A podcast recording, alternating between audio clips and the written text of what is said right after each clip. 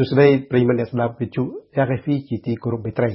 ករណីប្រជាជនដែលភៀសខ្លួនមករស់នៅបរទេសការចំនួនខ្មែរក្រហមប្រឡាយពិសាត្រូវលើកឡើងជាប្រធានបទមួយថាពួកគេភ្លេចភាសាខ្មែរអស់ហើយឬនៅ បានជានិយាយឡើងលាយឡំនឹងភាសាបរទេសយ៉ាងនោះនេះយ៉ាងទៀតពួកគាត់ត្រូវបានកូនចៅគាត់សួរថាតើតាតើពុកតើយាយតើអ្នកម្ដាយសប្បាយចិត្តឬព្រួយក្នុងសន្តានចិត្តនៅពេលដែលគេបំពាក់សញ្ជាតិទី2 មកឲ្យខ្លួនលើសអំពីសញ្ជាតិដើមជាខ្មែរសញ្ជាតិជាបារាំងជាអង់គ្លេសជាអាមេរិកាំងនេះជាសញ្ជាតិថ្មីប៉ុន្តែចំពោះខ្ញុំផ្ទាល់ដែលមានសញ្ជាតិពីរដែរនោះមានវិបរិសារីទ្វេគុណក្នុងនាមជាខ្មែរផងនិងជាបារាំងផងបាននិយាយតែអំពីអក្រិតកម្មប្រឡាយពិសាគឺខ្ញុំមានវិបរិសារីទ្វេគុណ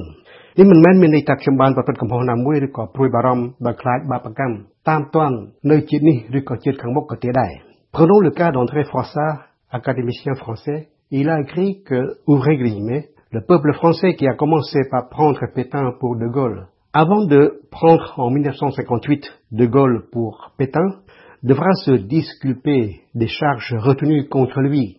Il est vrai que la peine a déjà été prononcée, 12 années de quatrième république, soldée par une remise de peine pour mauvaise conduite, malmenée par le présent. La France s'est réfugiée quelque temps dans son passé.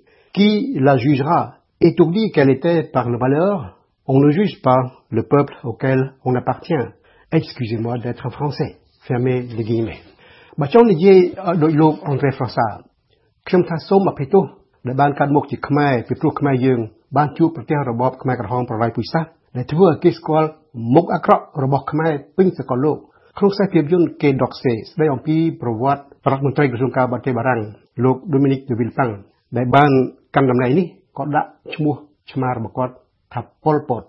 រីឯក្នុងការពិភាក្សាដេញដោលមតិតាមវិទ្យុនិងទូរទស្សន៍វិញពេលខ្លះគេលើបារាំងនិយាយបន្ទុកគ្នាថាគំនិតរបស់អ្នកប្រៀបដូចជាគំនិតពួកខ្មែរក្រហមអញ្ចឹងឬក៏គេរំលឹកគ្នាថាសកលលោកបានជួបប្រទះរបបប្រល័យពូជសាសន៍ជាច្រើនលើកឆ្លងគ្រាមនឹងរបបណាស៊ីនិងរបបប៉ុលពតជាឧទាហរណ៍ការពិតមួយនេះដែលធ្វើឲ្យយើងឮគេនិយាយពាក្យថាខ្មែរឬពាក្យថាអាល្លឺម៉ង់ មិនមែនបានន័យថាខ្មែរទាំងអស់និងអាល្លឺម៉ង់គ្រប់រូបជាខ្មែរពលពតជាអាល្លឺម៉ង់ណាស៊ីក្តីក៏សម្ដីបែបនេះវាចាក់ដោតលើអារម្មណ៍យើងស្រេចទៅហើយអញ្ចឹងមកជាខ្ញុំហ៊ាននិយាយថាសូមខមាទោសពីព្រោះខ្ញុំជាខ្មែរក្នុងបំណងបញ្ជាក់ប្រាប់ថាខ្មែរខ្ញុំនេះចេះទទួលខុសត្រូវមិនដូចខ្មែរពលពតទេនេះគ្រាន់តែជាភាសានិយាយឬក៏ជាមនសិការពិតៗ Le langage est une fonction de représentation. Il reflète l'ordre moral de la société. Quand on dit allemand nazi ou Khmer rouge, ce langage est prisonnier du passé, renvoyant pas à la vérité actuelle, puisque de nos jours, il n'y a pas de nazis, il n'y a pas de Pol Pot, il n'y en a plus des nazis et des petits Pol Pot. Bien entendu, des barbaries ont été commises. Elles ont été commises, mais elles ne sont pas effaçables. Et c'est pourquoi je reste attaché à la notion de justice, rendre justice. C'est juger les criminels et respecter les droits des victimes. Excusez-moi d'être khmer. Mais André Froissart a pris comme titre de son livre de 115 pages publié en 1992, Excusez-moi d'être français. On ne saurait saisir pleinement le sens du titre sans connaître l'histoire de la dénaturalisation française prononcée sous Vichy à l'égard du peintre Marc Chagall et des familles Gainsbourg et Humontan, entre autres. En tout, 15 154 dénaturalisations prononcées en 4 ans, 1940 à 1944, sous Vichy de Pétain. ក្នុងនាមខ្ញុំជាបារាំងខ្ញុំក៏អាចសុំខមាទោសដោយលោក Froissart ដែរទោះបីខ្ញុំកាត់មិនទាន់ចំនួន Vichy ក៏ដោយដែលរបបនេះចាប់យូហ្វណាស៊ីបញ្ជូនឲ្យពួកណាស៊ីដុតចោលក្នុងឡអូស្មန်តាមបែបប្រឡាយពូជសាសន៍ខ្មែរយើងខ្លះសូមសេចក្ដីបារាំងពីព្រោះធុញទ្រាន់និងបំពេញបែបបទសំច្បាប់ស្នាក់នៅប៉ុន្តែត្រូវដឹងថានេះសម័យពលពតចំនួននោះ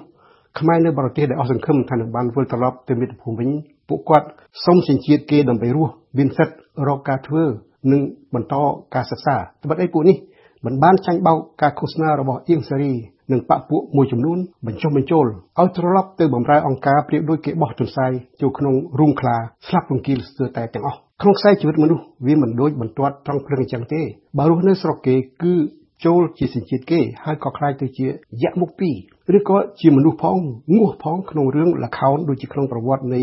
Dionysos ខាងក្រោមនេះពាក្យឈ្មោះថា Dionysos នេះមានន័យថាមានជីវិតពីរដូចខ្ញុំមានសញ្ជាតិពីរអញ្ចឹងដែរ Dionysos dieu grec fils de Zeus et de Perséphone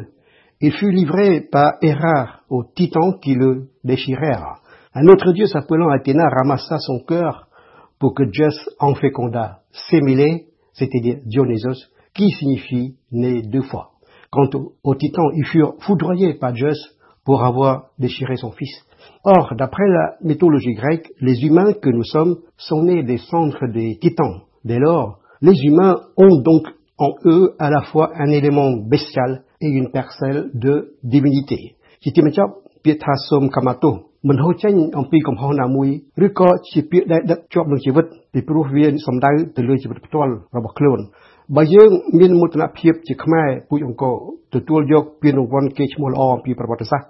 គូណាស់យើងទទួលយកមរតកដ៏ចង្រៃសម័យប៉ុលពតផងដែរដើម្បីទុកជាមេរៀនសម្រាប់សាសយើងតែប៉ុណ្ណោះ Dans ce cas, le cri de cœur, excusez-moi, par métaphore, c'est comme on glisse des feuilles mortes entre les pages d'un livre. Merci d'avoir écouté, chers auditeurs. Au revoir et à bientôt.